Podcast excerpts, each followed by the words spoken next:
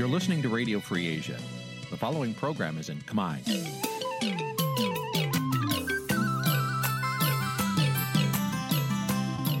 នេះជាកម្មវិធីផ្សាយ Vuthu Azizi Serai នេះជាកម្មវិធីផ្សាយរបស់ Vuthu Azizi Serai ជាភាសាខ្មែរ Vuthu Azizi Serai សូមស្វាគមន៍លោកអ្នកនាងទាំងអស់ពីរដ្ឋធានី Washington នៃសហរដ្ឋអាមេរិក បាទពីរដ្ឋធានីវ៉ាស៊ីនតោនខ្ញុំបាទសេកបណ្ឌិតសូមជម្រាបសួរអស់លោកអ្នកកញ្ញាទាំងអស់ជាទីមេត្រី បាទយើងខ្ញុំសូមជូនកម្មវិធីផ្សាយសម្រាប់យប់ថ្ងៃសៅរ៍15កើតខែភទ្របទឆ្នាំខាលចត្វាស័កពុទ្ធសករាជ2566ត្រូវនៅថ្ងៃទី10ខែកញ្ញាគ្រិស្តសករាជ2022បាទជាដំបូងនេះសូមអញ្ជើញអស់លោកអ្នកនាងស្ដាប់ព័ត៌មានប្រចាំថ្ងៃដែលមានមេត្តាដូចតទៅ thank you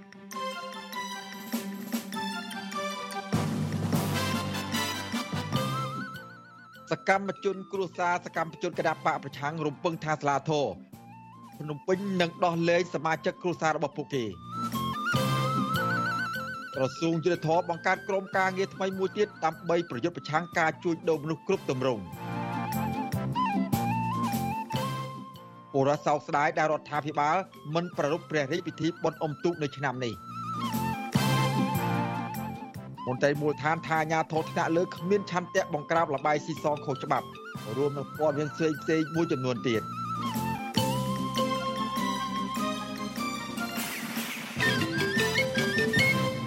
បាទជាបន្តទៅទៀតនេះខ្ញុំបាទសេកបណ្ឌិតសូមជូនព័ត៌មានពិស្ដា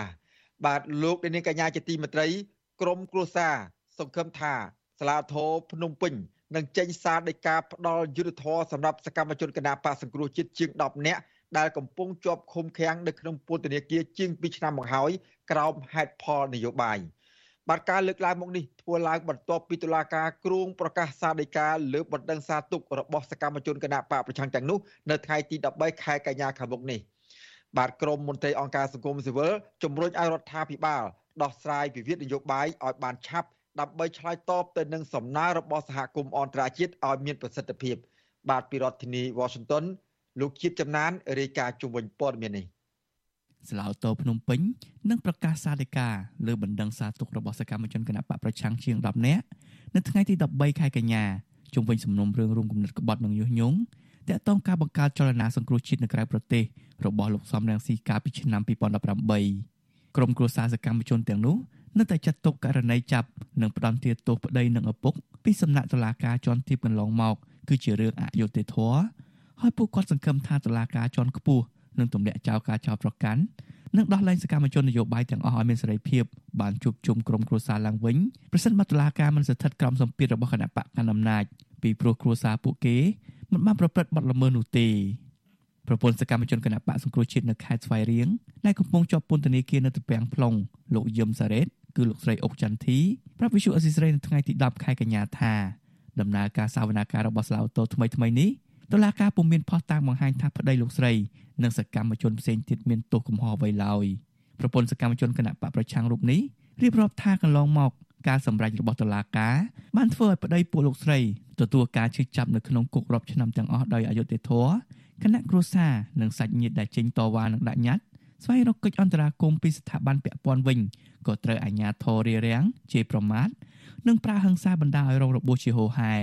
លោកស្រីស្នើឲ្យតុលាការអនុវត្តច្បាប់ដោយឯករាជ្យដើម្បីផ្ដល់ភាពយុត្តិធម៌ដល់ពលរដ្ឋដោយមិនត្រូវស្ថិតក្រោមការបញ្ជារបស់អ្នកនយោបាយនោះទេក្នុងជីវភាពគ្រួសារព្រោះអីម្នាក់ម្នាក់ហ្នឹងគឺពិបាកខ្លាំងមែនតើមិនថាគ្រួសារមីឬគ្រួសារណានាទេឲ្យតែមានស្វាមីក្រុមគ្រួសារជាប់ឃុំហើយគឺជីវភាពប៉ះពាល់ខ្លាំងមែនទែនហ្មងកូនបាត់បង់ការសិក្សាអីសពបែបសពយ៉ាងចឹងហើយសូមឲ្យតុលាការសាលាអតនឹង កាត់តម្រឹមហើយនឹងដោះលែងពួកគាត់ឲ្យមានសិទ្ធិសេរីភាពនៅថ្ងៃទី13នេះស្រដៀងគ្នានេះដែរប្រពន្ធសកម្មជនគណៈបកប្រឆាំងដែលកំពុងជាប់ឃុំក្នុងពន្ធនាគារត្រពាំង plong ម្នាក់ទៀតលោកញ៉ែមវៀនគឺលោកស្រីពៅសរនថ្លែងថាប្តីលោកស្រី តែងតែទទួលការគោរពស្រឡាញ់ពីអ្នកភូមិដោយសារតែគាត់ជាមនុស្សស្អាតស្អំនិងបំពេញការងារជូនពលរដ្ឋនិងសង្គមដោយមិនខ្លាចការនឿយហត់នោះឡើយ ប៉ុន្តែលោកស្រីឲ្យដឹងថាក្រោយពេលដែលគណៈបកសង្គ្រោះជាតិរំលាយប្តីលោកស្រីធ្វើការងាររកប្រាក់ជួយគ្រួសារប្រចាំថ្ងៃដោយគាត់មិនបានប្រព្រឹត្តបទល្មើសដោយការចោទប្រកាន់របស់តុលាការនោះទេ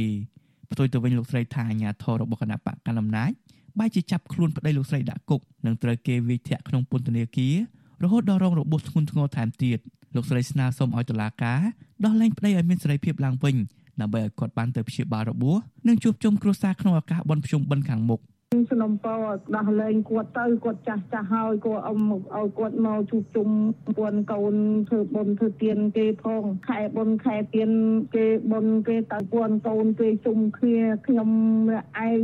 គាត់ចាស់ហើយអត់មានទុកកំហុសអីទេមិនដូចគេចោទប្រកាន់ថាទុកក្បត់ទុកអីអត់មានទេអ្នកអញ្ចឹកភូមិគេឆ្លាញ់រាប់អានគេសួរនាំរហូតកាលពីចុងខែសីហា អ្នករាយការណ៍ពិសេសរបស់អង្គការសហប្រជាជាតិប្រចាំកម្ពុជាលោកវិទិតមន្តបនថ្លែងក្រោយពេលបិទបញ្ចប់បេសកកម្មរបស់លោកដោយផ្ដោតសំខាន់លើការស្នើឲ្យរដ្ឋាភិបាលកម្ពុជាពន្យាការកែតម្រង់ប្រព័ន្ធតុលាការដើម្បីការពារសិទ្ធិសេរីភាពពលរដ្ឋនិងត្រូវដោះលែងសកម្មជនគណៈបកនយោបាយដែលកំពុងជាប់ឃុំឲ្យមានសេរីភាពឡើងវិញជាមួយគ្នានេះលោកក៏អំពាវនាវដល់រដ្ឋាភិបាលកម្ពុជាឲ្យបើកលំហសេរីភាពសង្គមស៊ីវិលនិងនយោបាយក្នុងនោះក៏រាប់បញ្ចូលទាំងការលុបចោលនិងការកែតម្រង់ច្បាប់នានា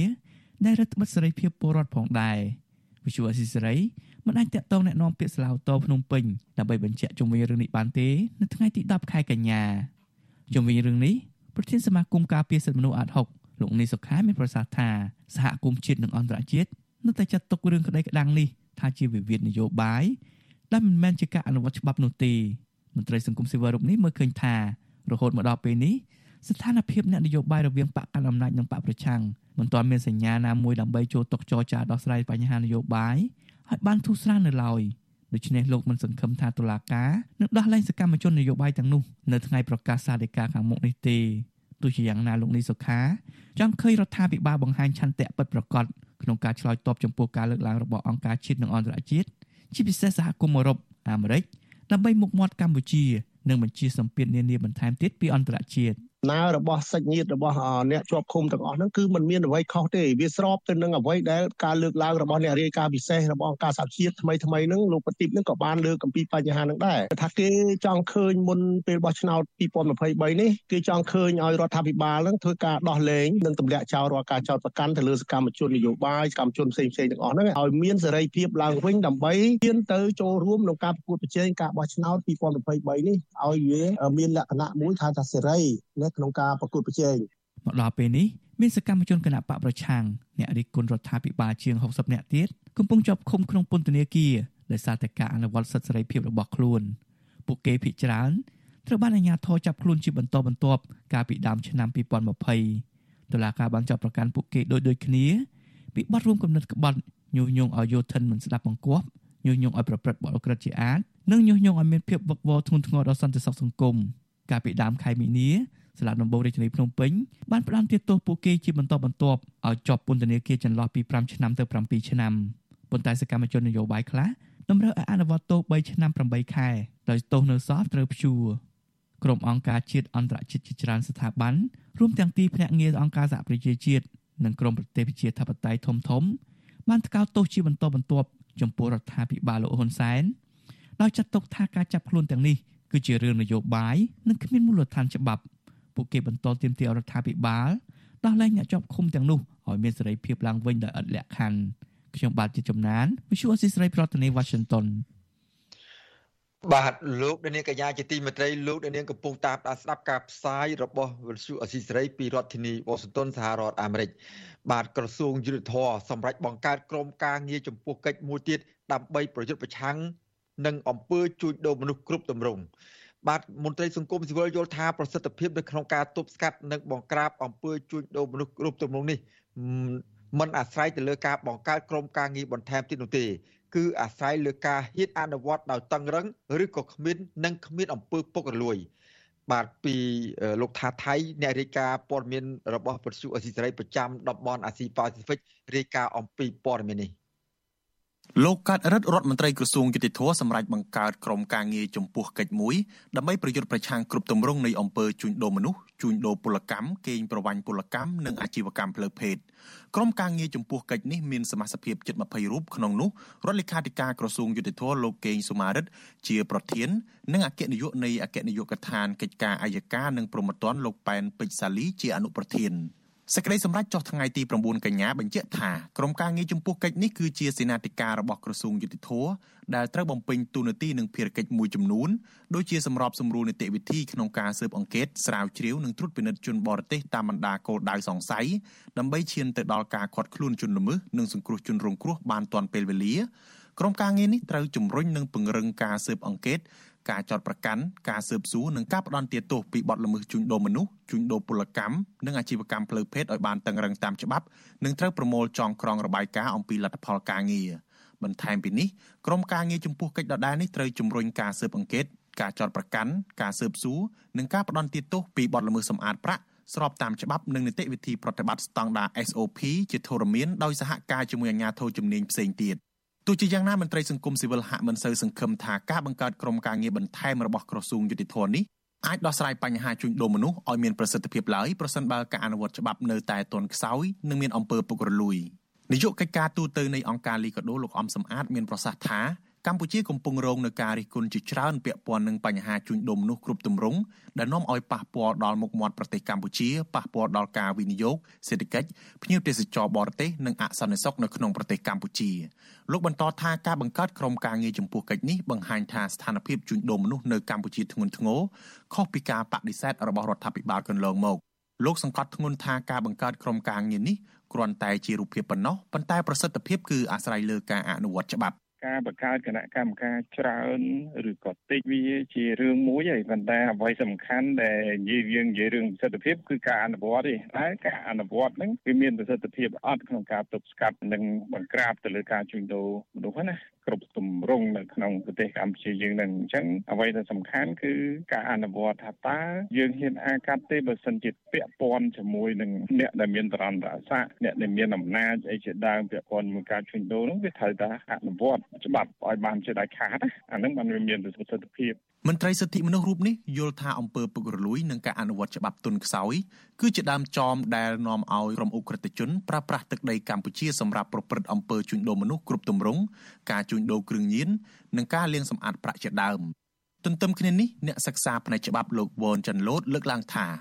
ការបង្កើតក្រុមការងារចំពោះកិច្ចបន្ថែមពីលើគណៈកម្មការជាតិជំនាញប្រយុទ្ធប្រឆាំងការជួញដូរមនុស្សរបស់រដ្ឋាភិបាលនេះ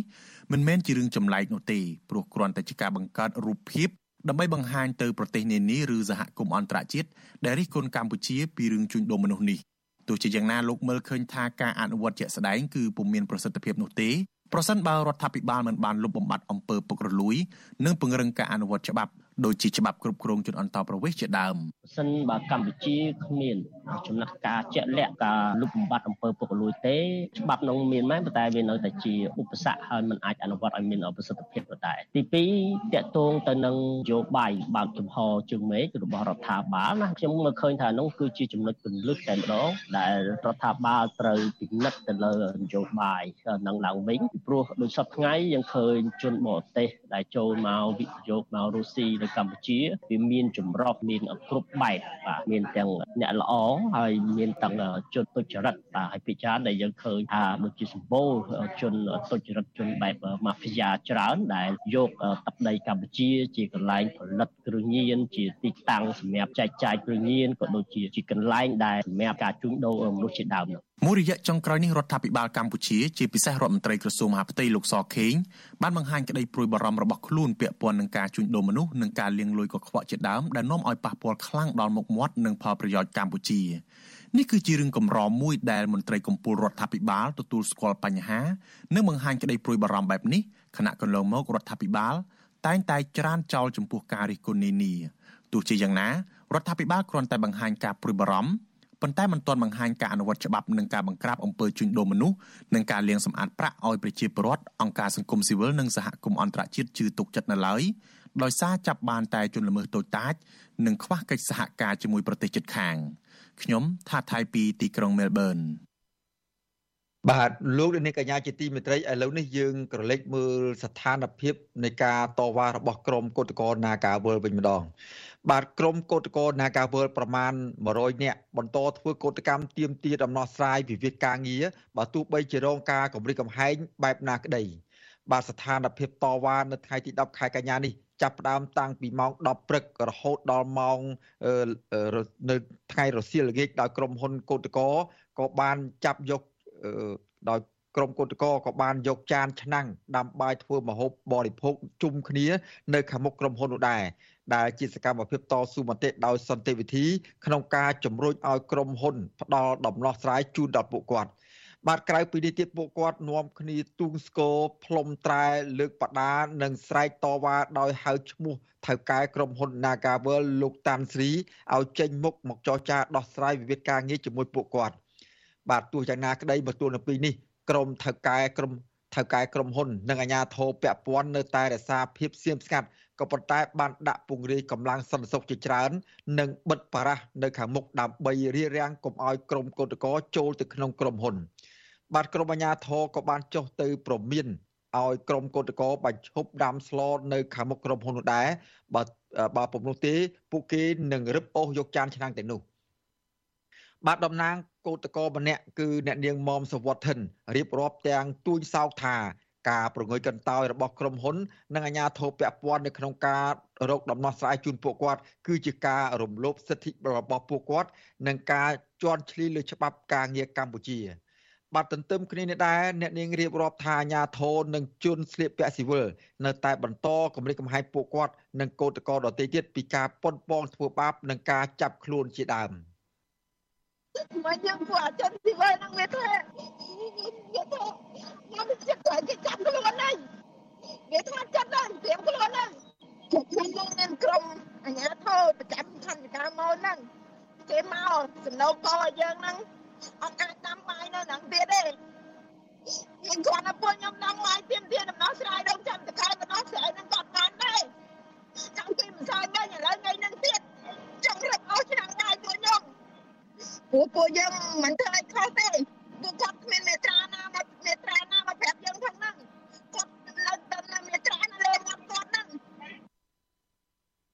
បាទតើតោនឹងវិវាទការងាររវាងបុគ្គលិកនិងក្រុមហ៊ុន Naga World ដែរថ្នាក់ដឹកនាំសហជីពនិងសមាគមដែលធ្វើការងារក្នុងវិស័យការងារសរុបជាង400នាក់នឹងជួបជុំគ្នានៅខាងមុខក្រសួងការងារនៅព្រឹកថ្ងៃទី11ខែកញ្ញាស្អែកនេះដើម្បីស្នើសុំឲ្យរកដំណោះស្រាយបញ្ចប់វិវាទការងារនេះដោយទទួលយកថ្នាក់ដឹកនាំនិងសមាជិកសហជីពជាង150នាក់ឲ្យចូលធ្វើការងារជាមួយនឹងប្រាក់រំលឹកទូទាត់សំណង ឲ្យបានត្រឹមត្រូវទៅតាមច្បាប់ព្រមទាំងលុបចោលការចោទប្រកាន់លើថ្នាក់ដឹកនាំសកម្មជនសហជីពចំនួន15នាក់ផងដែរបាទក្រៅពីនេះទៀតថ្នាក់ដឹកនាំសហជីពនិងសមាគមទាំងនោះក៏ស្នើសុំឲ្យដោះស្រាយសំណុំរឿងថ្នាក់ដឹកនាំសហជីពចំនួន31ករណីផ្សេងទៀតដែលកើតឡើងនៅតាមស្ថាប័នផ្សេងផ្សេងបាទគិតបន្ទួលអំពីនេះក្រមកោតកោបានធ្វើកោតកម្ម9ខែមកហើយក៏ប៉ុន្តែពុំទាន់ទទួលបានដំណោះស្រាយនោះទេ ផ្ទុយទៅវិញអាញាធរនិងក្រុមហ៊ុន បានរួមគ្នាចោទប្រកាន់និងចាប់ខ្លួនតំណាងក្រុមកម្មករជាង10នាក់ដាក់ពន្ធនាគារហើយថែមទាំងប្រើហិង្សាឥតឈប់ឈរទៅលើក្រុមកោតក្រភ ieck ច្រើនជាស្ត្រីបណ្ដាលឲ្យរបួសធ្ងន់ធ្ងរនិងស្ត្រីម្នាក់រលូតកូនក្នុងផ្ទៃក្រុមកោតក្រនិងអ្នកខ្លាំមើលចាត់ទុកថាទង្វើរបស់រដ្ឋាភិបាលនិងក្រុមហ៊ុននេះគឺជាការរំលោភសិទ្ធិស្ត្រីផ្ទុយពីគោលនយោបាយរដ្ឋាភិបាល បាទលើពីនេះទៀតពួកគាត់យល់ឃើញថារដ្ឋាភិបាល និងក្រុមហ៊ុន មានផលប្រយោជន៍រួមគ្នាទើបខិតខំការពារគ្នាទៅវិញទៅមកដោយមិនខ្វល់អំពីច្បាប់ការងារនិងទុកលំបាករបស់ក្រុមគឧតកោភៀចច្រើនជាស្ត្រីនោះឡើយ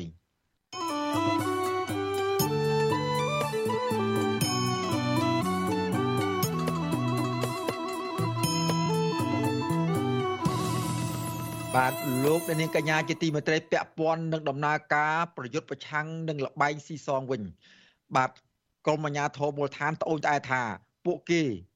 ពិបាកក្នុងការបង្ក្រាបលបាយភ្នាល់ខុសច្បាប់នៅក្នុងសហគមន៍ដោយសារតែខ្វះការយកចិត្តទុកដាក់ពីនឹងការឯកភាពគ្នាពីមន្ត្រីថ្នាក់លើ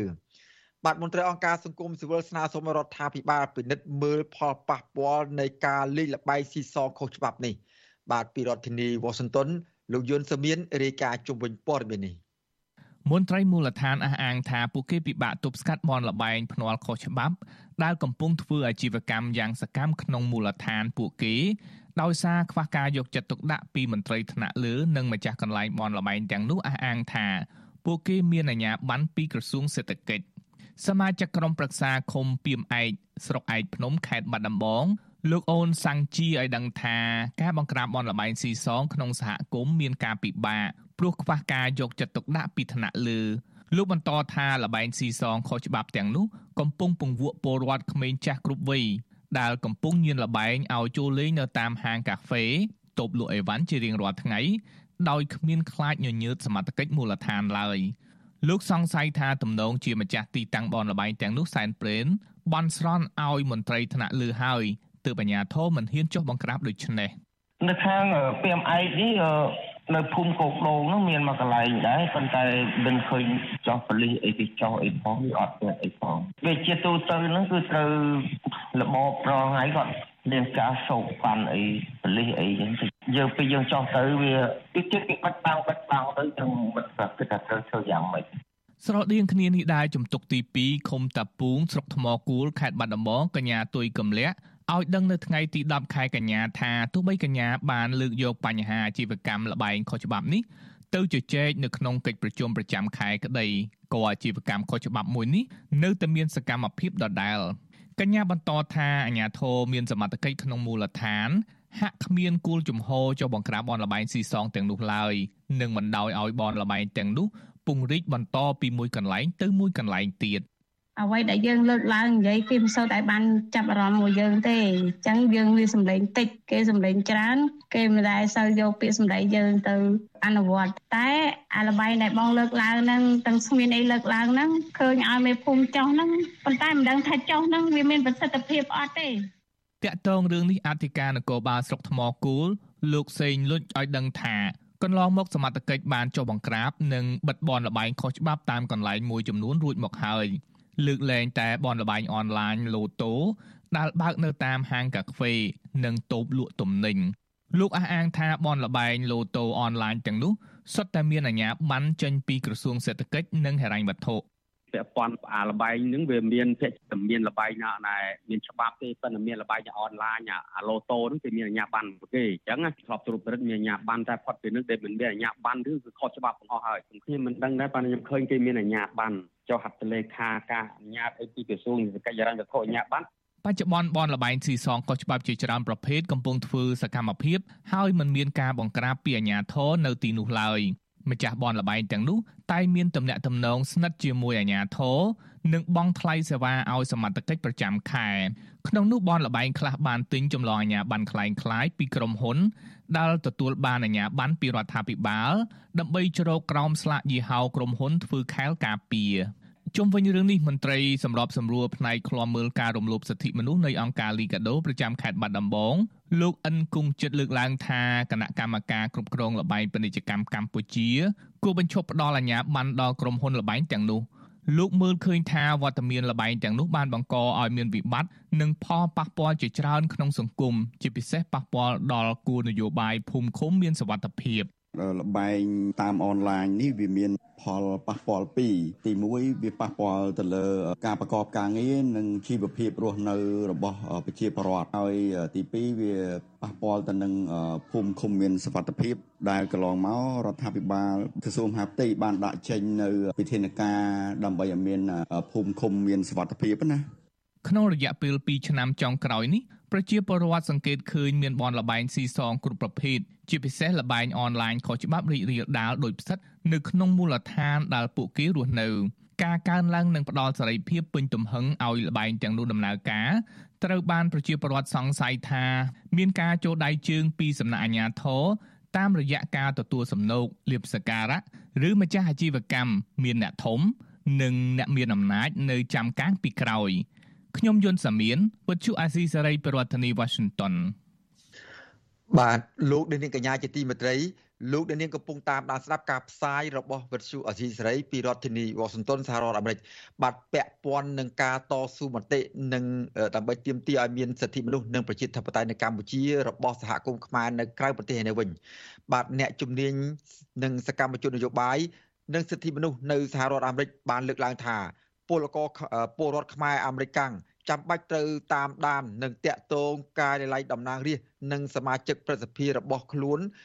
ជាប្រចាំដើម្បីពន្យល់ពួកគេឲ្យយល់ច្បាស់អំពីបញ្ហាធ្លាក់ចុះនៃលទ្ធិប្រជាធិបតេយ្យនិងបញ្ហាសិទ្ធិមនុស្សនៅកម្ពុជា បាទលោកនាងនៅបានស្ដាប់សេចក្តីរាយការណ៍ពិស្ដារអំពីរឿងនេះនាពេលបន្តិចទៀត thank you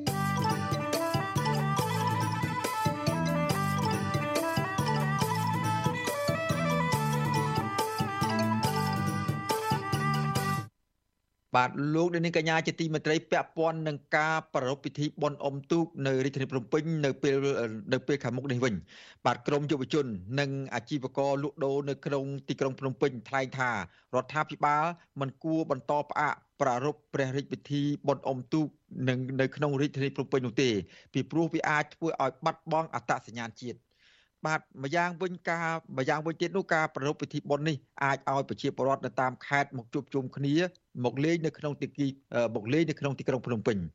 បាទចំណែកអ្នកវិភាគដើមចំណែកអ្នកវិភាគនិងការអភិវឌ្ឍសង្គមយល់ឃើញថារដ្ឋាភិបាលគួរពិចារណាប្រារព្ធពិធីបុណ្យអុំទូកនៅរាជធានីភ្នំពេញឡើងវិញដើម្បីរក្សាអត្តសញ្ញាណប្រពៃណីជាតិព្រោះរដ្ឋាភិបាលគ្មានហេតុផលណាសំខាន់មួយក្នុងការផ្អាកប្រារព្ធពិធីនេះឡើយ បាទពីរាជធានីពីរដ្ឋធានី Washington លោកជាតិចំណានរាយការណ៍ជុំវិញព័ត៌មាននេះគណៈរដ្ឋមន្ត្រីកាលពីថ្ងៃទី9ខែកញ្ញាប្រកាសថារដ្ឋាភិបាលនឹងមិនប្រារព្ធប្រតិពិធីបុណ្យអុំទូកនៅរាជធានីភ្នំពេញនោះទេប៉ុន្តែអនុញ្ញាតឲ្យមានការប្រារព្ធពិធីបុណ្យអុំទូកនៅតាមបណ្ដាខេត្តសេចក្តីប្រកាសរបស់ទីស្តីការគណៈរដ្ឋមន្ត្រីមិនបានបញ្ជាក់ពីមូលហេតុនៃការមិនប្រារព្ធពិធីបុណ្យអុំទូកនេះទេយុវជនម្នាក់រស់នៅទីក្រុងភ្នំពេញលោកខៀវកឹមណានណារ៉ាប្រាប់វិសុអសិស្រីថា គ្មានហេតុផលសមរម្យណាមួយដែលមិនត្រូវប្រារព្ធប្រតិពិធីមួយនេះនោះទេលោកខៀវកឹមណានណារ៉ាយល់ឃើញថានៅពេលដែលរដ្ឋាភិបាលមិនប្រារព្ធពិធីបុណ្យនេះវាហាក់ដូចជាកាន់តែបង្ហាញឲ្យឃើញច្បាស់ថារដ្ឋាភិបាលកំពុងប្រឈមនឹងការកង្វះថវិកាជាតិទោះជាយ៉ាងណាលោកខៀវកឹមណាណារ៉ាយល់ថារដ្ឋាភិបាលគួរតែហ៊ានចំណាយថវិកាជាតិដើម្បីរក្សាបរិយាពិធីបុណ្យដែលជាអត្តសញ្ញាណជាតិមួយនេះពីព្រោះកន្លងមកសហគមន៍អន្តរជាតិបានស្គាល់បរិយាពិធីបុណ្យអុំទូកជារបស់ខ្មែរ ខណៈប្រទេសជិតខាងមួយចំនួនកំពុងលើកកម្ពស់ពិធីបុណ្យអុំទូកនេះជាពិធីបុណ្យធំសម្រាប់ជាតិរបស់គេដែរអញ្ចឹងបើសិនជាអសកម្មភាពនឹងយើងផ្អាកផ្អាកផ្អាក4 10ឆ្នាំ20ឆ្នាំទៅមុខទៀតខ្ញុំគិតថាជាមរួចពីបាត់បង់វាអាចនៅតែមានប្រពទុយទូចនៅតាមខេត្តតាមអីចឹងនៅតែមានអញ្ចឹងប៉ុន្តែឲ្យថាយើងឲ្យតម្លៃឬក៏ជាតសញ្ញាណជាតិទៀតគឺមិនមានទេអាចនឹងបាត់នៅថ្ងៃណាមួយស្រដៀងគ្នានេះដែរអាជីវករម្នាក់លក់ដូរនៅក្រុងភ្នំពេញប្រាប់វិសុយអស៊ីសេរីដោយសូមមិនបញ្ចេញឈ្មោះថាលោកស្រីព្រួយបារម្ភនៅពេលដែលរដ្ឋាភិបាលនៅតែបន្ត ខកខានមិនប្រារព្ធពិធីបុណ្យអុំទូកព្រោះវាអាចនឹងបាត់បង់តម្លៃប្រពៃណីពីបុរាណរបស់ខ្មែរមួយនេះនៅថ្ងៃណាមួយជាមិនខានលោកស្រីបន្ថែមថារដ្ឋាភិបាលមិនគួរបន្តផ្អាកមិនប្រារព្ធពិធីបុណ្យអុំទូកនៅក្រុងភ្នំពេញទៀតនោះទេពីព្រោះពិធីបុណ្យមួយនេះគឺជាឱកាសតែមួយគត់ដែលប្រជាពលរដ្ឋធ្វើដំណើរមកកំសាន្តនិងចូលរួមនៅទីក្រុងភ្នំពេញ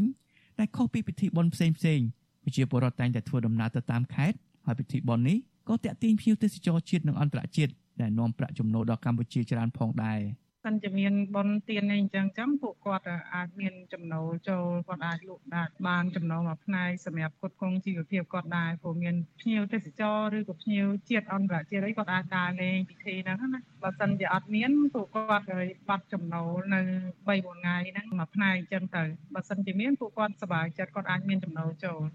វិសុវអសិសរីមិនអាចតកតងแนะនាំពីរដ្ឋាភិបាលលោកផៃស៊ីផាន ដើម្បីសូមអត្ថាធិប្បាយបន្ថែមទាក់ទងនឹងការមិនប្រារព្ធពិធីបុណ្យអុំទូកនេះបានទេនៅថ្ងៃទី9ខែកញ្ញានេះដោយទូរស័ព្ទចូលតែគ្មានអ្នកទទួលជុំវិញរឿងនេះអ្នកវិភាគនយោបាយបណ្ឌិតឡៅម៉ុងហាយយកឃើញថាការខកខានមិនប្រារព្ធពិធីបុណ្យអុំទូកញឹកញាប់ដោយកន្លងមកនេះគឺជាការមិនល្អប្រសើរនោះឡើយពីព្រោះបុណ្យមួយនេះគឺជាព្រឹត្តិការណ៍វប្បធម៌និងប្រវត្តិសាស្ត្ររបស់ជាតិ បណ្ឌិតឡៅម៉ុងហៃថាបើទោះបីជារដ្ឋាភិបាលអនុញ្ញាតឲ្យមានការប្រារព្ធពិធីបុណ្យអុំទូកតាមបណ្ដាខេត្តផ្សេងៗក្តីប៉ុន្តែវាមិនមានតម្លៃដូចជាការប្រារព្ធពិធីបុណ្យអុំទូកនេះនៅក្នុងរាជធានីបានឡើយព្រោះការប្រារព្ធពិធីបុណ្យអុំទូកនៅក្រុងភ្នំពេញគឺមានព្រះមហាក្សត្រជាគណៈធិបតីហើយពិធីបុណ្យនេះក៏ជាការបង្ហាញឯកភាពសាមគ្គីភាពនិងអត្តសញ្ញាណជាតិដែរលោកបណ្ឌិតយល់ឃើញថារដ្ឋាភិបាលហាក់ដូចជាខ្លាចការប្រមូលផ្ដុំទ្រង់ទ្រាយធំជាជាងការបង្ជាជាងការបង្ការកុំឲ្យមានការរីករាលដាលជំងឺ Covid-19 ទើបមិនប្រារព្ធពិធីបុណ្យនេះនៅទីក្រុងភ្នំពេញបើគេ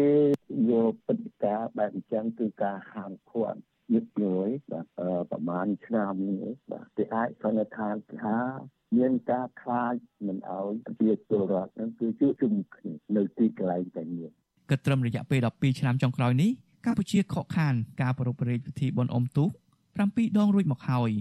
នេះបើរាប់បញ្ចូលការមិនប្រារព្ធពិធីបុណ្យអុំទូកនៅឆ្នាំ2022នេះកាលពីឆ្នាំ2020និង2021រដ្ឋាភិបាលសម្រេចមិនប្រារព្ធពិធីបុណ្យនេះដោយហេតុផលបង្ការកុំឲ្យរីករាលដាលជំងឺ Covid ដោយឡែកឆ្នាំ2013រដ្ឋាភិបាលបានសម្រេចមិនប្រារព្ធពិធីបុណ្យអុំទូកដោយសំអាងហេតុផលជាឆ្នាំបោះឆ្នោតជាតិចំណែកឆ្នាំ2015ស្ថិតក្នុងស្ថានភាពនយោបាយពុះកញ្ជ្រោលនោះរដ្ឋាភិបាលលើកយកមូលហេតុកម្ពស់ទឹកនៅសល់ទាបពេកទើបមិនអាចប្រារព្ធពិធីបុណ្យនេះបាន ខ្ញុំបាទចិត្តចំណាន Visual Assisray ប្រធានាទី Washington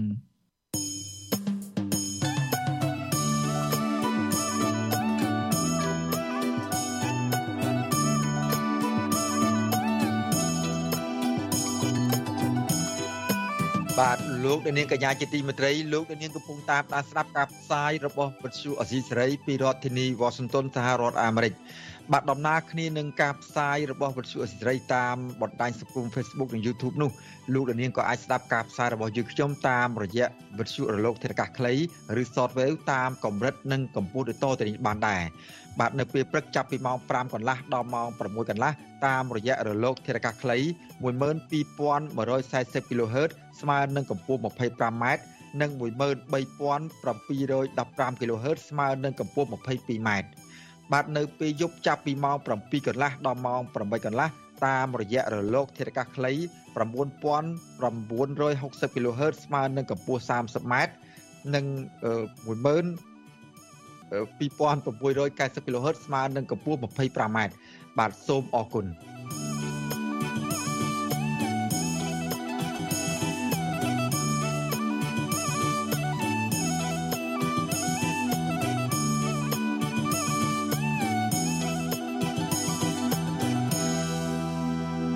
បាទលោកនាងកញ្ញាជាទីមេត្រីពាក់ព័ន្ធនឹងការប្រារព្ធពិធីបុណ្យប្រពៃណីជាតិគឺបុណ្យភ្ជុំបិណ្ឌដែលនឹងចូលមកដល់ឆាប់ឆាប់នៅពេលខាងមុខនេះវិញ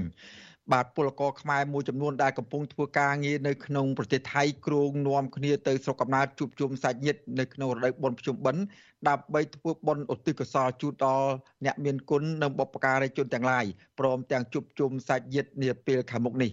ខណៈដែលពលករមួយចំនួនទៀតបានខកខានដោយសារតែពួកគាត់ជួបបញ្ហាខ្វះខាតជីវភាពនិងកន្លែងធ្វើការមិនអនុញ្ញាតច្បាប់អនុញ្ញាតឲ្យឈប់សម្រាកជាដើមបាទពីរដ្ឋធានីវ៉ាស៊ីនតោនលោកយ៉ងច័ន្ទរារាយការណ៍ជុំវិញព័ត៌មាននេះពលករខ្មែរដែលកំពុងធ្វើការនៅប្រទេសថៃលើកឡើងថាពួកគាត់រំភើបរីករាយលាយឡំទៅដោយការនឹករលឹកស្រុកកំណើតហើយបានបបួលគ្នាទៅលេងស្រុកកំណើតរៀងៗខ្លួនដើម្បីទៅចូលរួមពិធីបុណ្យភ្ជុំបិណ្ឌ ពលករខ្មែរធ្វើការងារផ្នែកលាយពណ៌ថ្នាំរថយន្តនៅខេត្តសុរតធានីមកពីស្រុកកងមាសខេត្តកំពង់ចាមលោកស្រុនមេងលៀងប្រាប់វិទ្យុអាស៊ីសេរីនៅព្រឹកថ្ងៃទី10ខែកញ្ញាថាក្នុងរដូវបុណ្យទាននេះលោកក៏ឆ្លៀតទៅលេងស្រុកកំណើតធ្វើបុណ្យរំលឹកខួបជូនឪពុកដែលបានចែកឋានតាមទំនៀមទម្លាប់ខ្មែរដែរ ក៏ប៉ុន្តែលោកបញ្ជាក់ថាពលករខ្មែរជាច្រើនទៀតដែលកំពុងធ្វើការនៅរោងចក្រផលិតរថយន្តកម្មករមើលថែចំការទុរេននិងកម្មកររោងចក្រផ្សេងផ្សេងទៀតពួកគាត់ភ័យច្រើនមិនបានទៅលេងស្រុកកំណើតនោះទេនៅក្នុងពិធីបុណ្យភ្ជុំបិណ្ឌឆ្នាំនេះមានច្រើនបងធ្វើកត់ធ្វើការនៅនោះធ្វើការយាមចការផ្លែឈើអីគេណាបងកាត់តរេនកាត់អីហ្នឹងច្រើននៅនោះគាត់ដូចជាអត់បានទៅទេបងគឺភាកតិចណាគឺ គាត់ដែលដែលដែលគម្រោងដែលអ្នកដែលគម្រោងថាទៅលេងស្រុកនៅកាសបិណ្ឌភ្ជុំហ្នឹងគឺគាត់អត់បានបានភាកតិចណាគឺមានតែ10%ទេបងចំណែកពលករនីធ្វើការងារផ្នែកសំណង់នៅទីក្រុងបាងកកដែលមានស្រុកកំណើតនៅខេត្តសៀមរាបលោកស្រីសុងអ៊ួនវិញលោកស្រីប្រាប់ថាលោកស្រីនឹងប្តីខកខានទៅជួបឪពុកម្ដាយនិងកូនអាយុ8ឆ្នាំអស់រយៈពេល3ឆ្នាំមកហើយដោយគ្រាន់តែផ្ញើលុយទៅជូនឪពុកម្ដាយនិងចិញ្ចឹមកូនរៀនសូត្រតែប៉ុណ្ណោះ លោកស្រីឲ្យដឹងថានៅឆ្នាំនេះលោកស្រីនិងប្តីក៏មិនបានទៅលេងស្រុកកំណើតដែរដោយសារតែកន្លែងការងារមិនអនុញ្ញាតឲ្យឈប់សម្រាកហើយម្យ៉ាងវិញទៀតលោកស្រីចង់សន្សំលុយកាក់ខ្លះដើម្បីយកទៅប្រកបមុខរបរនៅស្រុកកំណើតក្រោយពីលោកស្រីឈប់ធ្វើការងារក្នុងប្រទេសថៃ យើងចង់ទៅតែធ្វើម៉េចបើវាមិនទាន់ពួកយើងនៅប្រទេសគេមិនមែនទៅមកទូដូចយើងនៅស្រុកស្រែយើងពួកយើងវាគ្មានលុយកាក់នឹងអាចទៅបានក៏មានតែទ្រាំមានអារម្មណ៍ទៅចង់ទៅជួបម៉ែឪគូដែលយើងឃ្លាតឆ្ងាយមកច្រើនឆ្នាំតែធ្វើម៉េចបើយើងវាមិនទាន់មានលុយកាក់នឹងអាចត្រឡប់ទៅបានក៏មានអារម្មណ៍នឹករលឹកតែទ្រាំពួកវាមិនទាន់ដល់ពេលប៉ុណ្ណឹងនឹករលឹកគិតថារដូវបិណ្ឌជុំគឺតែងតែជួបជុំម៉ែរបាយការណ៍របស់អង្គការសង្ត្រាល់ឲ្យដឹងថាបច្ចុប្បន្ននេះមានពលករខ្មែរធ្វើការងារស្របច្បាប់និងមិនស្របច្បាប់ជិត2លាននាក់កំពុងធ្វើការងារនៅប្រទេសថៃវិទ្យុអាស៊ីសេរីមិនអាចតាក់ទងមន្ត្រីស្ថានទូតកម្ពុជាប្រចាំនៅប្រទេសថៃដើម្បីសាកសួរអំពីការប្រារព្ធពិធីបុណ្យកាន់បិណ្ឌនិងភ្ជុំបិណ្ឌរបស់កម្មករដែលកំពុងធ្វើការងារនៅក្នុងប្រទេសថៃបានទេ នៅថ្ងៃទី10ខែកញ្ញាដោយទូរស័ព្ទចូលតែពុំមានអ្នកទទួល តកតងរឿងនេះដែរមន្ត្រីគម្រោងនៃមជ្ឈមណ្ឌលសម្ព័ន្ធភាពការងារនិងសិទ្ធិមនុស្សហៅកាត់ថាអង្គការសង្ត្រាល់ប្រចាំនៅប្រទេសថៃលោកលឹងសុផុនលើកឡើងថាពលករខ្មែរភិជាច្រើនមិនទាន់អាចឈប់សម្រាកពីការងារនោះទេពីព្រោះពិធីបុណ្យភ្ជុំបិណ្ឌមិនមែនជាបុណ្យជាតិរបស់ថៃក៏ប៉ុន្តែលោកថាពលករខ្មែរមួយចំនួនអាចឆ្លៀតសុំច្បាប់សម្រាកពីថៅកែដើម្បីទៅលេងស្រុកកំណើតបាន លោកលឹងសុផុនបន្តថាស្ថានភាពពលករសពថ្ងៃនេះមិនទាន់មានជីវភាពសមរម្យនៅឡើយទេ ដោយសារតែពួកគាត់មិនសូវមានការងារធ្វើលោកស្នើដល់រដ្ឋាភិបាល គួរតែយកចិត្តទុកដាក់បង្កើនការងារដល់ពលរដ្ឋខ្មែរឲ្យបានច្រើន ដើម្បីងាយស្រួលឲ្យប្រជាពលរដ្ឋប្រកបការងារនៅក្នុងស្រុកវិញ។ សម្រាប់បងប្អូនពលករនៅថៃគាត់មិនអាចទៅចូលរួមបានទេពីព្រោះនៅខាងថៃនេះតកតងទៅរឿងការធ្វើការហ្នឹងគឺថ្ងៃជប់សម្រាកហ្នឹងវាខុសគ្នាអញ្ចឹងនៅខាងថៃអត់តមានច្បាប់ជប់សម្រាកថ្ងៃប្រជុំបិណ្ឌហ្នឹងទេពីព្រោះនៅខាងថៃគេអត់ដែលធ្វើបុណ្យប្រជុំបិណ្ឌដោយនៅសហខ្មែរអញ្ចឹងណាមួយចំនួនគេធ្វើដែរគេថាគេធ្វើនៅតាមតំបន់ផ្សេងផ្សេង ពិធីបុណ្យកាន់បិណ្ឌនិងភ្ជុំបិណ្ឌប្រារព្ធឡើងជារៀងរាល់ឆ្នាំចាប់ពីថ្ងៃ1រោចដល់ថ្ងៃ15រោចខែភទ្របទហើយឆ្នាំនេះគឺត្រូវនឹងថ្ងៃទី10ដល់ថ្ងៃទី25ខែកញ្ញាខ្ញុំយ៉ងច័ន្ទដារាវិទ្យុអាស៊ីសេរីរាយការណ៍ពីរដ្ឋធានី Washington បាទលោកនាងកញ្ញាជាទីមេត្រី ចំណែកនៅឯខេត្តបាត់ដំបងឯនោះវិញប្រជាពលរដ្ឋប្រមាណ20គ្រួសារនៅឃុំព្រៃនរិនស្រុកឯកភ្នំខេត្តបាត់ដំបង នៅតែបន្តដាំដើមក្រចៅ ដើម្បីកូតយកសម្បកលក់សម្រាប់ដោះស្រាយជីវភាពគ្រួសារក្រៅពីរបរធ្វើស្រែចម្ការបាទតែទោះយ៉ាងណាក្តីពួកគាត់ថារបរនេះអាចនឹងបាត់បង់ព្រោះក្រចៅមិនសូវមានទីផ្សារនិងតម្រូវការតិចតួចមន្ត្រីសង្គមស៊ីវិលយល់ថារដ្ឋាភិបាលនិងក្រសួងពាក់ព័ន្ធមានភារកិច្ចនៅក្នុងការរកទីផ្សារក្រចៅជូនដល់ប្រជាពលរដ្ឋនិងធ្វើយ៉ាងណាផ្សព្វផ្សាយទៅកាន់មហាជនឲ្យបានយល់ដឹងអំពីគុណតម្លៃសារៈប្រយោជន៍នៃផលិតផលធម្មជាតិមួយនេះ បាទពីរដ្ឋធានី Washington អ្នកស្រីសុជីវីរាយការណ៍ជុំវិញព័ត៌មាននេះក្រចៅជារុក្ខជាតិមានដើមទំហំប៉ុនម្រាមដៃឬធំជាងនេះនិងមានកម្ពស់ប្រហែលពី2ម៉ែត្រទៅ3ម៉ែត្រដុះនៅលើដីទួលប្រប្រាស់ទឹកប្រជាជនខ្មែរនិយមយកក្រចៅទៅធ្វើជាខ្សែចងឬវិញជាខ្សែពួរត្បាញអង្រឹងកន្ទេលនិងសម្បកបាវព្រោះក្រចៅជារុក្ខជាតិមានសម្បកស្វិតបើទោះបីជាក្នុងពេលបច្ចុប្បន្នមានផលិតផលជាច្រើន ចំនួនផលិតផលចេញពីដំណាំមួយនេះក្តីតែនៅមានប្រជាពលរដ្ឋមួយចំនួននៅក្នុងភូមិចំនួន4នៃឃុំព្រែកនរិនស្រុកឯកភ្នំ បន្តដាំក្រចៅកោតយកសម្បកឬក្រចៅកោតលក់រកប្រាក់ចំណូលបន្ទាប់បន្សំពីធ្វើស្រែចម្ការពលរដ្ឋនៅភូមិបាក់រទេសឃុំព្រែកលួងលោករដ្ឋិសុនប្រាប់វិទ្យុអាស៊ីសេរីឲ្យដឹងនៅថ្ងៃទី7ខែកញ្ញាថាគ្រួសារលោកនិងអ្នកភូមិក្បែរខាង បន្តដាំដំណាំនេះព្រោះវាចំណាយផ្ទៃដីដាំដុះតិច ងាយស្រួលថែទាំនិងទទួលបានផលច្រើនជាងស្រូវលោកបន្តថាថ្មីត្បិតតែរុក្ខជាតិមួយនេះអំណោយផលក្នុងការដាំដុះក៏ពិតមែនតែលោកកាត់បន្ថយដាំដែរព្រោះមិនសូវមានទីផ្សារនិងមានតម្លៃថោកលោកថាតម្លៃក្រចៅកោតស្ងួតបច្ចុប្បន្នមានតម្លៃត្រឹមតែ8000រៀលប៉ុណ្ណោះនៅក្នុង1គីឡូក្រាមខណៈកាលពីអំឡុង3ទៅ4ឆ្នាំមុនក្នុង1គីឡូក្រាមមានតម្លៃ12000រៀលថាមានគេទិញឲ្យជាប់លាប់គឺខ្ញុំចាប់ដើមវិញ អ្នកខ្លះនៅខាងលើលើនោះគេកោតលក់គេព្រោះបន្តិចបន្តួចពលរដ្ឋនៅភូមិព្រៃត្រប់លោកស្រីដុកភឿឲ្យដឹងថាលោកស្រីចាប់ផ្ដើមដាំក្រចៅនៅខែឧសភានិងប្រមូលផលនៅក្នុងខែកញ្ញាលោកស្រីឲ្យដឹងថាក្រចៅមានពីរប្រភេទគឺក្រចៅបោកប្រើសម្រាប់ធ្វើបាវនិងក្រចៅកោតសម្រាប់ធ្វើជាខ្សែព្រាលត្បាញកន្ទាលនិងវិញជាខ្សែចំណងផ្សេងផ្សេងលោកស្រីបន្តថាកាលពីមុននៅទីនេះ គេនិយមដាំតែក្រចៅបោកតែប៉ុណ្ណោះដោយសារតែមានទីផ្សារនិងមានតម្លៃថ្លៃប៉ុន្តែចាប់តាំងពីរោងចក្រក្រចៅនៅភូមិតាច្រែងបានបិទទ្វារលែងដំណើរការជាង20ឆ្នាំមកនេះអ្នកស្រុកឈប់ដាំក្រចៅបោកតែនៅមានអ្នកស្រុកមួយចំនួនតូចបានងាកមកដាំក្រចៅកោតជំនួសវិញលោកស្រីឲ្យដឹងថាសប្តាហ៍ថ្ងៃនៅសល់តែអ្នកដាំក្រចៅកោតតិចតួចប៉ុណ្ណោះព្រោះក្រចៅប្រភេទនេះមិនសូវមានទីផ្សារនិងតម្លៃថ្លៃដូចក្រចៅបោកទេចា ឲ្យទៅតាមវាលហ្នឹងគេដាំទាំងអស់មើលទៅឃើញរកចៅទិញហ្នឹងគេដាំមិនសាកោតលក់អូគេទិញកោតហ៎រោងចក្រក្រចៅដូនទាវមានទីតាំងស្ថិតនៅក្នុងភូមិព្រែកតាច្រែងឃុំព្រែកនរិនស្រុកឯកភ្នំខេត្តបាត់ដំបងរោងចក្រនេះបានផ្អាកដំណើរការជាង20ឆ្នាំមកហើយចាប់តាំងពីពេលបិទរោងចក្រមកប្រជាជននៅតែបន្តដាំក្រចៅលក់ជាធម្មតាតែដល់ឆ្នាំ2000ការដាំដុះកាន់តែធ្លាក់ចុះ ស្រដៀងគ្នានេះដែរពលរដ្ឋនៅភូមិព្រៃត្រប់ឃុំព្រៃនរិនកញ្ញាយឿនបរិយឲ្យដឹងថាកញ្ញាបន្តដាំក្រចៅព្រោះដំណាំមួយនេះងាយស្រួលដាំថែទាំនិងចំណាយថ្លៃដើមតិចកញ្ញាបន្តថាកាលពីមុនអ្នកស្រុកដាំក្រចៅច្រើនធ្វើឲ្យតំបន់លិចទឹកមួយនេះคล้ายជាវាលស្រែក្រចៅតែបច្ចុប្បន្នមិនសូវមានអ្នកដាំដូចមុនឡើយព្រោះតម្រូវការធ្លាក់ចុះដោយសារតែការបិទដំណើរការរោងចក្រក្រចៅសម្រាប់ផលិតសម្បកបាវកញ្ញាថា ដើម្បីប្រមូលផលបានគេត្រូវកាប់ក្រចៅយកទៅត្រាំទឹកឲ្យរលួយប្រហែលមួយសប្តាហ៍រួចយកមកបកហើយឆ្កូតសម្បកនិងហាលឲ្យស្ងួតល្អ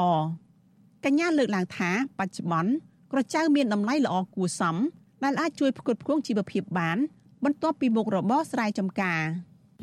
បើនិយាយពីទីផ្សារតលេខ្ញុំអត់ដឹងដែរមានទីផ្សារតែវាអត់ទៀងអត់ប្រម៉ែកញ្ចៅស្រួលជាងគេអត់ប្របាបាញ់ថ្នាំអត់បាច់ដកស្មៅទេ ដកកញ្ចៅមិនបាច់ខ្វល់ព្រោះចោលហើយហើយហើយហើយចិត្តល្អបងទឹកដាក់ឲ្យតែម្ដងទៅបានរបាយការណ៍ក្រមប្រឹក្សាឯកភ្នំបង្ហាញថាផ្ទៃដីដាំក្រចៅនៅក្នុងស្រុកមានចំនួនប្រមាណ14000ហិកតា ជាដីរបស់ប្រជាពលរដ្ឋចំនួន4ឃុំគឺឃុំព្រែកនរិនឃុំព្រែកលួងឃុំពីមឯកនិងឃុំព្រែកក្បបក្នុងនោះឃុំដែលមានផ្ទៃដីដាំក្រចៅច្រើនជាងគេ គឺនៅឃុំព្រែកនរិននិងឃុំព្រែកលួង តែកតិនរឿងនេះជំទប់ទី2ឃុំព្រែកនរិនស្រុកឯភ្នំលោកសុកសុភ័ក្រឲ្យដឹងថាពលរដ្ឋភៀកច្រើនបោះបង់របរដាំក្រចៅនេះដោយសាររោងចក្រក្រចៅបិទដំណើរការកាលពីជាង20ឆ្នាំមុននិងម្យ៉ាងទៀតដោយសារការប្រើប្រាស់ស្បោងការ៉ុងនិងផ្លាស្ទិកកើនឡើងនិងមានតម្លៃថោកជាងបាវធ្វើពីក្រចៅលោកបញ្ជាក់ថាក្រោយពីរោងចក្រផលិតបាវក្រចៅនៅភូមិព្រៃតាច្រែងបិទដំណើរការមក តម្រូវការក្រចៅក៏ធ្លាក់ចុះខ្លាំងធ្វើឲ្យកសិករ បដូរមកដាំស្រូវនិងដំណាំចម្ការវិញម្ដងលោកបន្តថាបច្ចុប្បន្នមានប្រជាពលរដ្ឋនៅក្នុងឃុំព្រៃនរិនប្រមាណជាង20គ្រួសារប៉ុណ្ណោះដែលនៅបន្តដាំក្រចៅនេះទន្ទឹមគ្នានេះដែរអាជ្ញាធរក៏នៅមិនទាន់មានផែនការដើម្បីសិក្សានិងបង្កើតកម្មវិធីបង្រៀនដល់ពលរដ្ឋពីបច្ចេកទេសច្នៃប្រឌិតផលិតសម្ភារៈពីក្រចៅនេះនៅឡើយដែរ ហើយក៏ត្រូវតែជួយដែរផ្នែកកសិកម្មក៏ត្រូវតែជួយអំពីបច្ចេកទេសក្នុងការដាំវាធ្វើម៉េចឲ្យវាប្រកួតប្រជែងទៅលើតម្លៃតម្លៃនិងគុណភាពលើទីផ្សារដែរព្រោះតម្លៃនិងគុណភាពវាជាកត្តាសំខាន់ណាស់សម្រាប់អ្នកប្រើប្រាស់ជុំវិញរឿងនេះមន្ត្រីសម្របសម្រួលសមាគមអាត6ខេត្តបាត់ដំបងលោកយិនមេងលីមើលឃើញថាការដាំដុះក្រចៅកាន់តែមានចំនួនតិចទៅតិចទៅដោយសារតែតម្រូវការនៅក្នុងទីផ្សារថយចុះលោកបន្តថាជំនួសឲ្យបាវក្រចៅ ដែលត្រូវការពេលដាំនិងយកមកផលិតប្រជាជនភាគច្រើនជ្រើសរើសប្រើបាវឬការ៉ុងផ្លាស្ទិកព្រោះងាយស្រួលរកទិញនិងប្រើប្រាស់ទោះយ៉ាងណាលោកលើកឡើងថារដ្ឋាភិបាលនិងក្រសួងពាក់ព័ន្ធមានភារកិច្ចក្នុងការរកទីផ្សារក្រចៅជូនប្រជាពលរដ្ឋនិងធ្វើយ៉ាងណាផ្សព្វផ្សាយទៅកាន់មហាជនឲ្យយល់ដឹងពីគុណតម្លៃសារៈប្រយោជន៍នៃផលិតផលធម្មជាតិមួយនេះ ហើយក៏ត្រូវតែជួយដែរផ្នែកកសិកម្មក៏ត្រូវតែជួយអំពីបច្ចេកទេសក្នុងការដាំវាធ្វើម៉េចឲ្យវាប្រកួតប្រជែងទៅលើតម្លៃតម្លៃនិងគុណភាពលើទីផ្សារដែរព្រោះតម្លៃនិងគុណភាពវាជាកត្តាសំខាន់ណាស់សម្រាប់អ្នកប្រើប្រាស់ក្រចៅដែលគេតែងហៅថាសរសៃពណ៌មាសគឺជាប្រភេទរុក្ខជាតិដែលមានសរសៃវែងជាវត្ថុធាតុដើមប្រើប្រាស់នៅក្នុងផលិតកម្មឧស្សាហកម្មផ្សេងផ្សេងដូចជាបាវក្រចៅនិងសម្ភារៈប្រើប្រាស់នៅក្នុងផ្ទះបាយមួយចំនួនទៀត ដំណាំនេះមានដាំនៅលើទឹកដីកម្ពុជាតាំងពីឆ្នាំ1960មកម្លេះប៉ុន្តែក្រោយមកឧស្សាហកម្មក្រចៅនៅកម្ពុជាបានផ្អាកដំណើរការធ្វើឲ្យកសិករមួយចំនួនធំងាកមកដាំស្រូវនិងដំណាំចម្ការជំនួសវិញនេះខ្ញុំសុជីវី With you Azizi Saray ពីរដ្ឋធានី Washington បាទលោកនាងកញ្ញាជាទីមេត្រីលោកនាងកំពុងតាមដានស្ដាប់ការផ្សាយរបស់វិទ្យុអសីសេរីពីរដ្ឋធានី Washington សហរដ្ឋអាមេរិកបាទឥឡូវនេះពាក់ព័ន្ធនឹងចលនាតស៊ូមតិដើម្បីសិទ្ធិមនុស្សនិងលទ្ធិប្រជាធិបតេយ្យរបស់ប្រជាពលរដ្ឋខ្មែរអាមេរិកនៅក្នុងនៅក្រៅប្រទេសនេះវិញបាទអ្នកជំនាញសកម្មជននយោបាយនិងសិទ្ធិមនុស្សនៅអាមេរិក បានលើកឡើងថាពលរដ្ឋខ្មែរអាមេរិកាំងចាំបាច់ត្រូវតាមដាននិងតាក់ទងការិយាល័យតំណាងរាស្ត្រនិងសមាជិកប្រសិទ្ធិរបស់អាមេរិកជាប្រចាំដើម្បីពន្យល់ពួកគេឲ្យយល់ច្បាស់អំពីបញ្ហាធ្លាក់ចុះនៃលទ្ធិប្រជាធិបតេយ្យនិងបញ្ហាសិទ្ធិមនុស្សនៅកម្ពុជា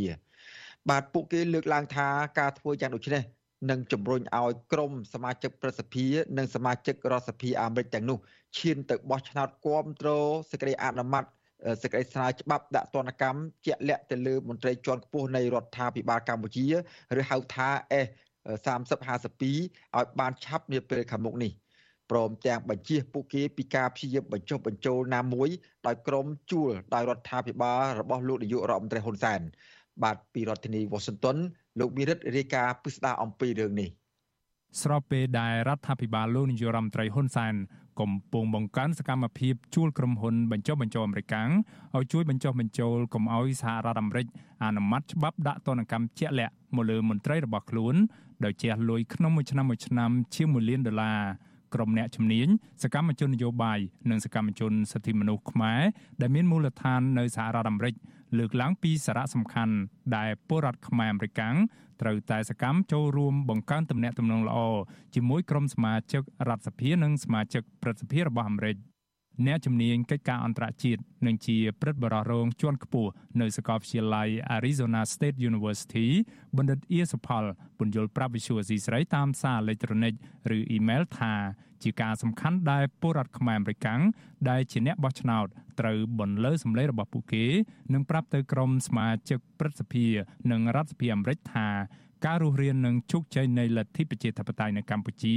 ពិតជាសំខាន់សម្រាប់សហរដ្ឋអាមេរិកនិងសំខាន់សម្រាប់ពួកគេដែលជាអង្គបោះឆ្នោតលោកថាពលរដ្ឋខ្មែរអាមេរិកទាំងនោះបានរត់ភៀសខ្លួនពីកម្ពុជាមកសហរដ្ឋអាមេរិកជាជនភៀសខ្លួនហើយពួកគេត្រូវការឲ្យប្រទេសកំណើតរបស់ពួកគេមិនត្រូវធ្លាក់ចូលក្នុងរបបប្រល័យពូជសាសន៍និងអំពើក្រិតកម្មប្រៃផ្សៃនៃការកាប់សម្លាប់មនុស្សរង្គាលសារជាថ្មីទៀតនោះឡើយ បណ្ឌិតអៀសផលបញ្យល់ថាសហរដ្ឋអាមេរិកមានការទទួលខុសត្រូវមិនត្រឹមតែនៅក្នុងការការពារសិទ្ធិមនុស្សប៉ុណ្ណោះទេ តែថែមទាំងក្នុងការបង្ការកុំឲ្យមានឧក្រិដ្ឋកម្មប្រៃផ្សៃនៃការកាប់សម្លាប់មនុស្សរង្គាលបែបនេះកើតមានឡើងសារជាថ្មីទៀតព្រមទាំងការទទួលខុសត្រូវនៅក្នុងការកសាងឡើងវិញក្រោយពីការកើតមានឡើងនៅអំពើអក្រិតកម្មទាំងនោះ បច្ចុប្បន្នមានសេចក្តីស្នើច្បាប់ដាក់ទណ្ឌកម្មជាក់លាក់ចំនួន2ទៅលើមន្ត្រីជាន់ខ្ពស់កម្ពុជាពាក់ព័ន្ធនឹងការរំលាយប្រជាធិបតេយ្យនិងការរំលោភសិទ្ធិមនុស្សធ្ងន់ធ្ងរនៅកម្ពុជា ដែលកំពុងស្ថិតនៅក្នុងដៃព្រឹទ្ធសភារបស់អាមេរិក សេចក្តីស្នើច្បាប់ដាក់ទណ្ឌកម្មទាំងនោះគឺរួមមានសេចក្តីស្នើច្បាប់ស្តីពីប្រជាធិបតេយ្យកម្ពុជា ឆ្នាំ2021ឬ HR 4686ដែលត្រូវបានស្នើឡើងដោយសមាជិករដ្ឋសភា មកពីគណៈបក្សសាធារណរដ្ឋប្រចាំរដ្ឋ Ohio គឺលោក Steve Chabot ហើយដែលត្រូវបានបោះឆ្នោតអនុម័តដោយរដ្ឋសភាអាមេរិកកាលពីថ្ងៃទី28ខែកញ្ញាឆ្នាំ2021កន្លងទៅ ដោយសម្លេងគាំទ្រ403សម្លេង និងសម្លេងមិនគាំទ្រ17សម្លេង ក្នុងចំណោមសមាជិករដ្ឋសភាអាមេរិកសរុបចំនួន435រូបសេចក្តីស្នើច្បាប់ដាក់ទណ្ឌកម្មនេះកំពុងស្ថិតក្នុងដៃគណៈកម្មាធិការទំនាក់ទំនងកិច្ចការបរទេសនៃព្រឹទ្ធសភាអាមេរិក រីឯសេចក្តីស្នើច្បាប់មួយទៀតគឺសេចក្តីស្នើច្បាប់ស្តីពីប្រជាធិបតេយ្យនិងសិទ្ធិមនុស្សឆ្នាំ2022ឬ S3052 ដែលគណៈកម្មាធិការទំនាក់ទំនងកិច្ចការបរទេសនៃព្រឹទ្ធសភាអាមេរិកទើបបានអនុម័តកាលពីថ្ងៃទី21ខែកក្កដាដើម្បីបញ្ជូនបន្តទៅព្រឹទ្ធសភាពេញអង្គអនុម័តរួចបញ្ជូនទៅរដ្ឋសភាអនុម័តមុននឹងឲ្យប្រធានាធិបតីចុះហត្ថលេខាក្លាយជាច្បាប់ឲ្យប្រើប្រាស់ជាផ្លូវការ។ ប្រធានសមាគមខ្មែរអមេរិកាំងដើម្បីសិទ្ធិមនុស្សនិងលទ្ធិប្រជាធិបតេយ្យហៅកាត់ថាខារ៉ាត់លោកយប់កំតឹងចង់ឃើញពលរដ្ឋខ្មែរអមេរិកាំងចូលរួមឲ្យបានកាន់តែសកម្មនៅក្នុងការទំនាក់ទំនងជាមួយក្រុមសមាជិករដ្ឋសភា និងព្រឹទ្ធសភារបស់អាមេរិកដើម្បីជំរុញឲ្យសេចក្តីស្នើច្បាប់ទាំងនេះអាចឈានទៅអនុម័តក្លាយជាច្បាប់ផ្លូវការនាពេលខាងមុខនេះបានខ្ញុំជឿជាក់ថាដើម្បីឲ្យច្បាប់នឹង ដើម្បីសម្រាប់ទទួលស្គាល់បានតើតែប្រជាជនខ្មែរយើងនេះថាខំប្រឹងផ្នែកដើម្បីទៅសរសេរសម្បត្តិទៅតកតងនឹងសមាជិកប្រសិទ្ធិនឹងតទៅមុខទៀតហើយសមាជិកប្រសិទ្ធិណាដែលមានឈ្មោះហៅថាជា co-sponsor របស់ bill ហ្នឹងយើងគួរតែនាំគ្នាសរសេរសម្បត្តិទៅអរគុណពួកនឹងដែលថាបានសរសេរច្បាប់នឹងបាន ពពួកយើងនៅខាងក្រៅនេះបានធ្វើ petition ដែរនេះថានៅក្នុង website របស់យើងហៅថា karab.org គឺបងប្អូនចង់សរសេរ petition ទាំងសម្បត្តិទៅរដ្ឋសភាសូមទៅ sign petition នឹងបានលោកយប់កំតឹងយល់ឃើញថាជាការសំខាន់ដែលក្រមពលរដ្ឋខ្មែរអមេរិកាំងចាំបាច់ត្រូវតាមដានសកម្មភាពរបស់សមាជិករដ្ឋសភា និងព្រឹទ្ធសភាអាមេរិក ជាពិសេសសមាជិករដ្ឋសភាអាមេរិកចំនួន17រូបដែលមិនបានបោះឆ្នោតគាំទ្រសេចក្តីស្នើច្បាប់ដាក់ទណ្ឌកម្ម HR 4686កាលពីនៅរដ្ឋសភាកាលពីពេលកន្លងទៅឥឡូវនេះពួកយើងខ្ញុំឃើញពួកយើងធ្វើការបណ្ដាញគ្នាចេះតែកើនឡើងកើនឡើងពេលណាយើងឃើញអញ្ចឹងយើងនឹងជួយផ្សាយទៅប្រាប់ប្រជាជនខ្មែរឲ្យប្រជាជនខ្មែរអាមេរិកជ្រាបដឹងដើម្បីធ្វើម៉េចកុំឲ្យបោះឆ្នោតឲ្យពួកហ្នឹងឬមួយក៏ប្រាប់តំណាងរាស្ត្រអស់ហ្នឹងថានេះថាថាគាត់ធ្វើអញ្ចឹងជាការយកខុសមិនត្រឹមត្រូវហើយថាមិននាំឲ្យមានយុទ្ធធម៌ទៅប្រទេសខ្មែរមកហើយការយើងនៅក្រៅគួរតែខំផ្សាយតាមរយៈឬមួយក៏តាម Facebook Live មួយក៏ Zoom អីចលងចលងឲ្យប្រជាជនខាងលើស្រុកអាមេរិកនេះដឹងបាទស្រដៀងគ្នានឹងការយល់ឃើញនេះដែរប្រធានចលនាស្ត្រីគណៈបកសង្គ្រោះជាតិប្រចាំសហរដ្ឋអាមេរិកអ្នកស្រីថិតកំហ៊ុនយល់ថាការមានទំនាក់ទំនងល្អជាមួយក្រុមសមាជិករដ្ឋសភា និងព្រឹទ្ធសភាអាមេរិកនឹងចូលរួមចំណែកជួយឲ្យពួកគេយល់ឃើញច្បាស់ពីភាពចាំបាច់ដែលកម្ពុជាត្រូវមានលទ្ធិប្រជាធិបតេយ្យពិតប្រាកដហើយបញ្ជាពួកគេពីការបញ្ចុះបញ្ចូលណាមួយដោយក្រុមហ៊ុនបញ្ចុះបញ្ចូលដែលជួលដោយរដ្ឋាភិបាលលោកនាយរដ្ឋមន្ត្រីហ៊ុនសែន សមាជិកសភាកាលពីបោះឆ្នោតនៅ46 86ហ្នឹងគឺគាត់មាន17នាក់ដែលមិនបានបោះឆ្នោតឲ្យយើងហើយយើងក៏សង្ឃឹមថាបងប្អូនខ្មែរយើងហ្នឹងអាចចូលរួមនៅក្នុងការដែលមានតំណែងល្អជាមួយពួកគាត់គ្រប់តំបន់ទៅដើម្បីគាត់បានយល់ដឹងពីរឿងស្រុកខ្មែរយើងថាមានបញ្ហាអ្វីកើតឡើងហើយកុំឲ្យដូចថាហ៊ុនសែនឥឡូវនេះកំពុងតែមានការធ្វើប្រើចាយនៅថវិកាយ៉ាងសម្បើមធំមែនទែននៅក្នុងមួយឆ្នាំមួយឆ្នាំជាង1លានដុល្លារឯណោះដើម្បីធ្វើកិច្ចការងារតាក់ទាញក៏ដូចជាទិញនៅជាពិសេសពួកអ្នកដែល law firm យើងហៅថាអ្នករដ្ឋការងារដើម្បីរៀបរៀងនៃក្នុងការស្ដារលទ្ធិប្រជាធិបតេយ្យដែលសេចក្តីស្នើច្បាប់ S3052 ហ្នឹង អ្នកស្រីថិតកំហ៊ុនយល់ថាភាពសកម្មរបស់ពលរដ្ឋខ្មែរអាមេរិកាំងជាពិសេសក្នុងពេលដែលសហរដ្ឋអាមេរិកកំពុងត្រៀមរៀបចំការបោះឆ្នោតពាក់កណ្ដាលអាណត្តិនៅដើមខែវិច្ឆិកាខាងមុខនេះនឹងធ្វើឲ្យក្រុមអ្នកធ្វើគោលនយោបាយឬក្រុមអ្នកធ្វើច្បាប់អាមេរិកាំងឈឺឆ្អាលពីបញ្ហារបស់កម្ពុជា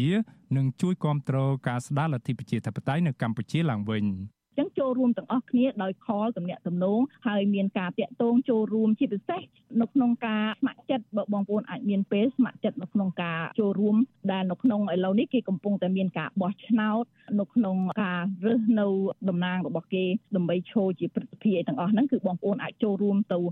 ធ្វើនៅយុទ្ធនាការក៏ដូចជាចូលរួមស្ម័គ្រចិត្តដើម្បីមានការគ្រប់គ្រងហើយក៏មានទំនាក់ទំនងល្អជាមួយគេបើយើងមានទំនាក់ទំនងល្អជាមួយនឹងព្រឹទ្ធសភាក៏ដូចជាសមាជិកព្រឹទ្ធសភាពេលនោះនៅក្នុងសហគមន៍ខ្មែរយើងគឺគេអាចចូលរួមឈឺឆ្អាលជាមួយនឹងកិច្ចការងារក្នុងនាមគេជាតួនាទីរបស់គេគេមកបម្រើបងប្អូនប្រជាពលរដ្ឋខ្មែរយើងចាអញ្ចឹងចូលរួមទាំងអស់គ្នាដើម្បីស្ដារលទ្ធិប្រជាធិបតេយ្យចាថ្មីថ្មីនេះក្រុមសមាជិកព្រឹទ្ធសភានិងរដ្ឋសភាអាមេរិកយ៉ាងហោចណាស់ជិត10រូបបានមកបំពេញទស្សនកិច្ចដាច់ដោយឡែកពីគ្នានៅកម្ពុជា ជាបន្តបន្ទាប់ដ៏កម្រមិនធ្លាប់មានពីមុនមក អ្នកនាំពាក្យគណៈបកកណ្ដាលអំណាចគឺគណៈបកប្រជាជនកម្ពុជា លោកសុកអេសានអះអាងប្រាប់វិសុវស៊ីស្រីថាគណៈបករបស់លោកមិនចាំបាច់បញ្ចុះបញ្ចូលឲ្យសហរដ្ឋអាមេរិកកុំដាក់ទណ្ឌកម្មជាក់លាក់មកលើមន្ត្រីជាន់ខ្ពស់កម្ពុជាឡើយខ្ញុំយល់ថាដូចមិនបាច់បញ្ចុះបញ្ចូលអីទេបើគាត់មកឃើញការពិតហើយគាត់និយាយការពិតហើយគាត់យល់ពីការពិតហើយខ្ញុំយល់ថាចេតនាដែលដាក់ទណ្ឌកម្មហ្នឹងវាមិនមានតទៅទៀតទេបាទ បើទោះបីជារឿយរឿយលោកនាយរដ្ឋមន្ត្រីហ៊ុនសែននិងក្រុមមន្ត្រីរបស់លោក តែងប្រើវោហារសាស្ត្រឌឺដងមិនខ្លាចឬពន្យុះឲ្យសហរដ្ឋអាមេរិកប្រញាប់ធ្វើច្បាប់ដាក់ទណ្ឌកម្មជាក់លាក់មកលើរដ្ឋាភិបាលរបស់លោកយ៉ាងណាក៏ដោយក្តីក៏នៅពីក្រោយឆាកឯនោះវិញមន្ត្រីរបស់លោក ជាពិសេសមន្ត្រីឯកអគ្គរដ្ឋទូតរបស់លោកប្រចាំសហរដ្ឋអាមេរិក បានខ្វាត់ខ្វែងចាត់ចែងជួលក្រុមហ៊ុនអាមេរិកកាំងឲ្យជួយបញ្ចុះបញ្ចូលមន្ត្រីរដ្ឋាភិបាលសហព័ន្ធសហរដ្ឋអាមេរិកនិងក្រុមអ្នកធ្វើគោលនយោបាយអាមេរិកកាំងកុំឲ្យធ្វើច្បាប់ដាក់ទណ្ឌកម្មជាក់លាក់លើរដ្ឋាភិបាលរបស់លោករដ្ឋាភិបាលលោកហ៊ុនសែនបានជះលុយមិនតិចជាង1លានដុល្លារអាមេរិកទេនៅក្នុងមួយឆ្នាំមួយឆ្នាំដើម្បីជួលក្រុមហ៊ុនបញ្ចុះបញ្ចូលរបស់អាមេរិកឲ្យជួយកុំឲ្យសហរដ្ឋអាមេរិកធ្វើច្បាប់ដាក់ទណ្ឌកម្មមកលើមន្ត្រីជាន់ខ្ពស់របស់ខ្លួន ក្រុមហ៊ុនបញ្ចុះបញ្ចូលដែលត្រូវរដ្ឋាភិបាលលោកហ៊ុនសែនជួលទាំងនោះរួមមានដូចជាក្រុមហ៊ុន Akingam ក្រុមហ៊ុន Huawei Communication ក្រុមហ៊ុន Park Rim Bridges និងក្រុមហ៊ុន Brownstein Hyatt Faber Schreck ជាដើមខ្ញុំបានមេរិត Visual C ស្រីរាយការណ៍ពីរដ្ឋធានី Washington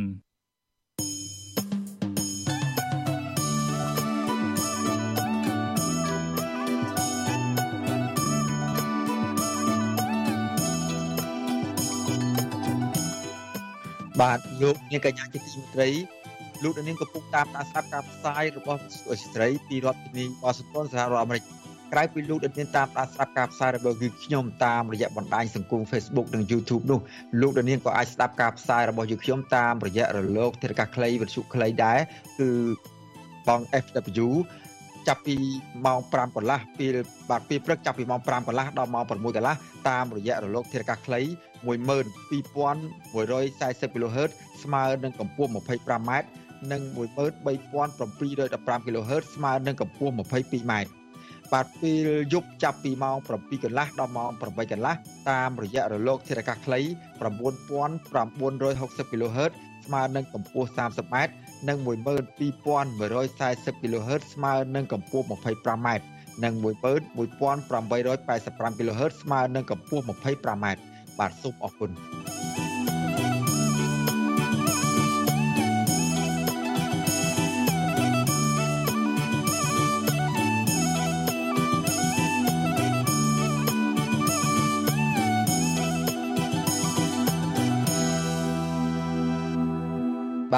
ក្រុមកោតក្រនាការវល់ប្រមាណ100នាក់បន្តធ្វើកោតកម្មទៀមទាដំណោះស្រាយវិវាទការងារបើទោះបីជារងការគម្រាមកំហែងបែបណាក្តី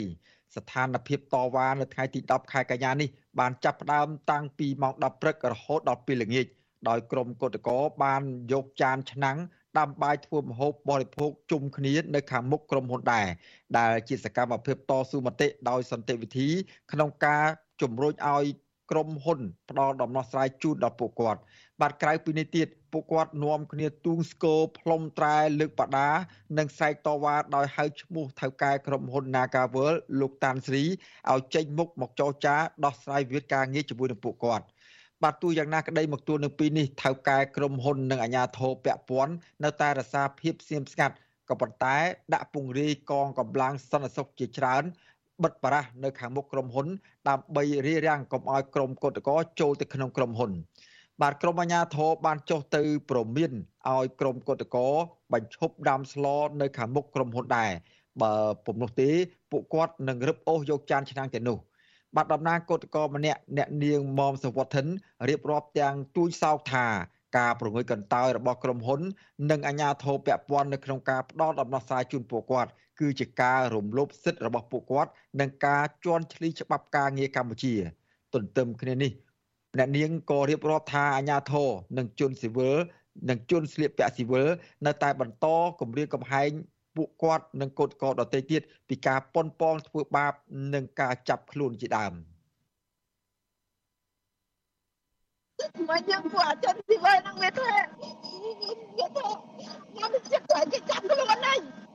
វាខ្លាចចិត្តដែរព្រៀមខ្លួនហ្នឹងពួកខ្ញុំយើងមានក្រុមអញ្ញាធិប្រចាំខណ្ឌការមកហ្នឹងគេមកសំណូកកឲ្យយើងហ្នឹងអត់អាចដាំបាយនៅហ្នឹងទៀតទេខ្ញុំគាត់ថាពួកខ្ញុំដាំបាយទៀមទៀមដំណោះស្រាយដល់ចាំតកែដំណោះស្រាយហ្នឹងគាត់បានដែរចាំពីម្សិលមិញឥឡូវថ្ងៃហ្នឹងទៀតចង់រឹបអស់ឆ្នាំបាយពួកខ្ញុំពួកពួកយើងមិនធ្វើ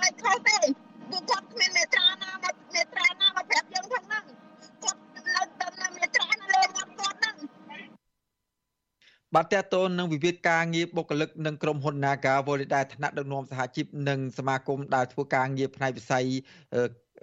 ការងារនេះសរុបជាង400នាក់នឹងជួបជុំនៅខាងមុខក្រសួងការងារនៅព្រឹកថ្ងៃទី11ខែកញ្ញាស្អែកនេះដើម្បីស្នើសុំឲ្យដំណោះស្រាយ ស្វែងរកដំណោះស្រាយបញ្ចប់វិវាទការងារមួយនេះដោយទទួលយកថ្នាក់ដឹកនាំនិងសមាជិកសហជីព